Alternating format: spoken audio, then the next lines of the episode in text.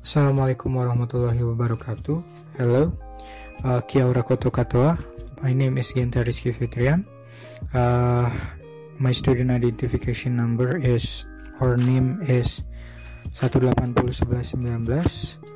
Uh, here I wanted to answer the question that has been given by Nola. Uh, I will not answering this question alone, but I will answering this question with my friend Hana Nurisman, and she will answer this question after me.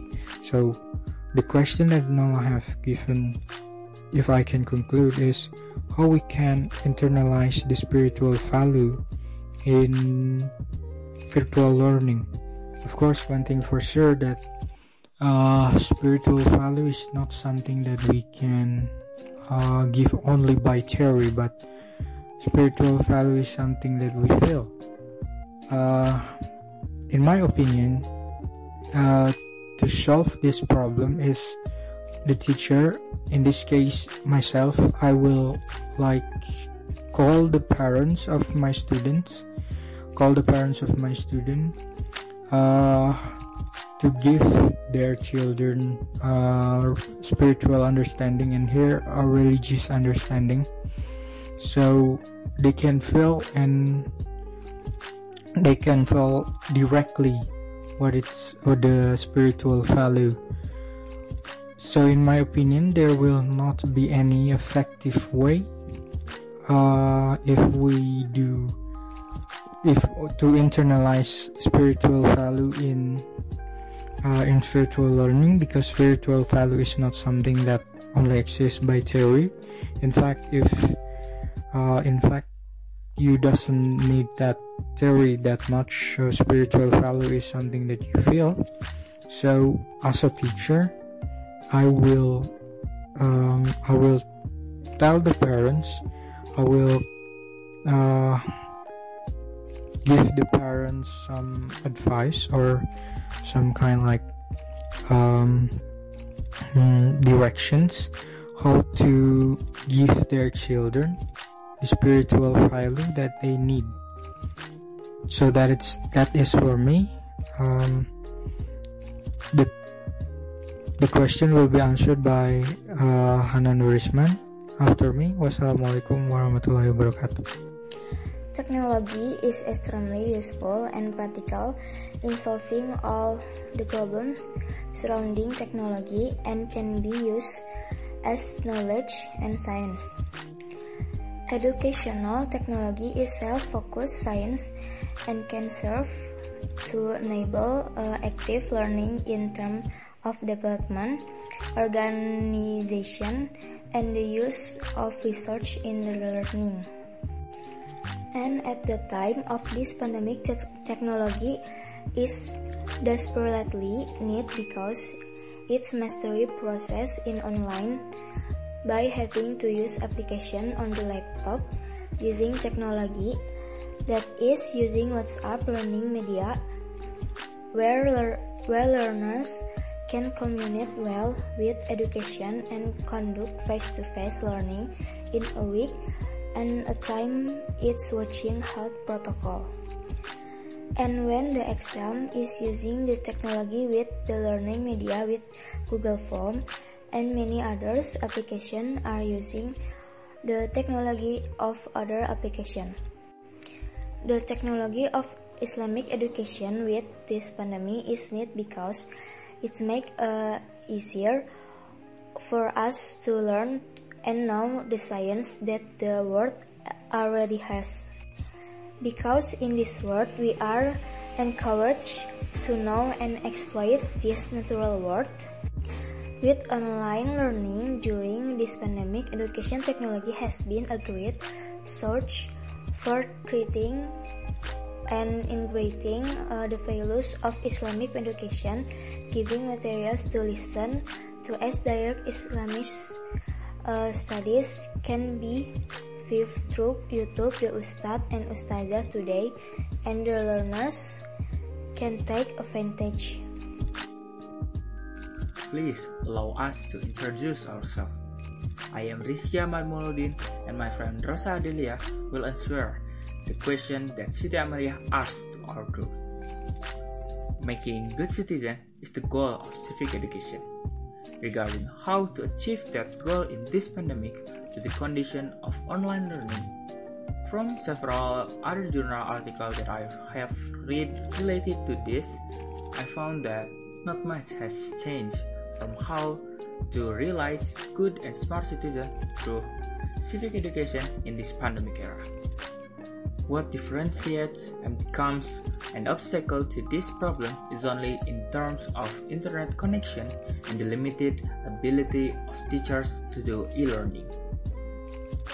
According to Maftuh and Sapriya 2005 page 320 is good citizen are citizens who have intelligence or civic intelligence, both intellectual, emotional, social, and spiritual, and have a sense of pride and responsibility or civic responsibility, and able to sharpen the life of society and the state or participation skill in order to grow a sense of nationality and love for the country. Or simply, in our opinion, smart and good citizens are citizens who understand and are responsible for their rights and obligations as citizens.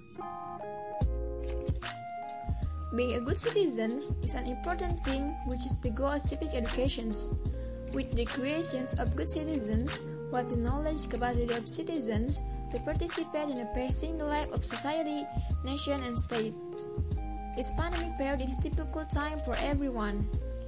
It's a challenge for civic education and achieving its goal of creating good citizens. Even though the goals remains the same, civic education during a pandemic is different from before pandemic lies in the process. During the pandemic, civic education was often associated with the efforts to restore the state to its previous conditions. Thus, the effort to create smart and good citizens is to maximize the use of various media in civic education learning. So, the teacher must apply learning methods that are able to optimize the value internalization process. Based on Gross and Zeleny, citing the Detroit Citizenship Education Study, identified the characteristics of a good citizen by defining five quality characteristics. Name people who 1. Cherishes democratic values and bases his action on them. 2. Recognize the social problems of the time and has the will and the ability to work toward their solutions. 3 is aware and takes responsibility for meetings of human basic needs. 4. Practice democratic human relations in the family, school, and community. And 5. Process and use knowledge, skill, and abilities necessary in a democratic society. Hello everyone, I'm Meidina Syifa Urajma with my student ID number is 2000341 and my friend Aulia Rahmawati with student ID number is 2008662. Now, I'm and my friend will answer the question from Listia. The question is This article aims to examine the role of citizenship education in the pandemic period in realizing good citizenship. The question whether civic education can make it happen and is it emphasized on the moral aspect or individual character? This answer is citizenship education can be a way of realizing good citizenship because citizenship education in Indonesia itself has a mission to develop smart and good citizens, as said by Maftuh and Sapriya 2005 p. 320, which state that the country's goal is to develop citizenship education or civics. It's for every citizen to be a good citizen, namely citizens who have intelligent or civic intelligence, both intellectual, emotional, social, and spiritual, have a sense of pride and responsibility or civic responsibility, and able to participate in community and state life or participation skills in order to grow a sense of nationality and love for the country. It can be concluded that the existence of citizenship education is expected to be able to realize citizens who have good citizenship or to be a good citizen. Especially during the current pandemic in Indonesia, citizenship education is needed to create citizens who have a moral aspect or good individual character. Based on what has been conveyed by Meidina, therefore citizens must be educated through citizenship education in order to have knowledge, skill, and value, because these three things will synergy and will also give birth to citizens who are competent, committed, and confident as citizens, and of course they are expected to be able to make decisions in terms of solving problems related to citizens' life. Basically, the character value apply in citizenship education or character value from education that develop cultural value and national character value that come from religion, Pancasila, culture, and the goals of national education.